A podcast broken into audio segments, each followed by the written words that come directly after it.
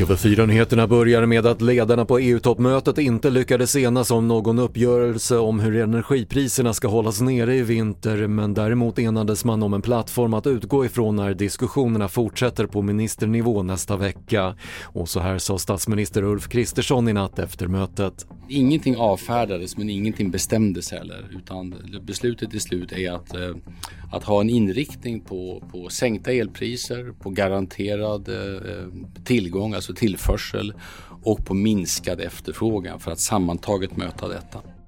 Ukraina anklagar Ryssland för att ha minerat en kraftverksdamm i den ryskkontrollerade Chersonregionen i södra Ukraina. En sprängning av dammen skulle leda till en miljökatastrof av enorma proportioner varnade i natt Ukrainas president Volodymyr Zelensky.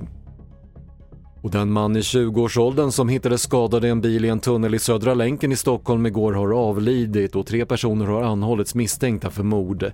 Alla tre misstänkta är i 20-årsåldern och de kunde enligt polisen gripas utan dramatik.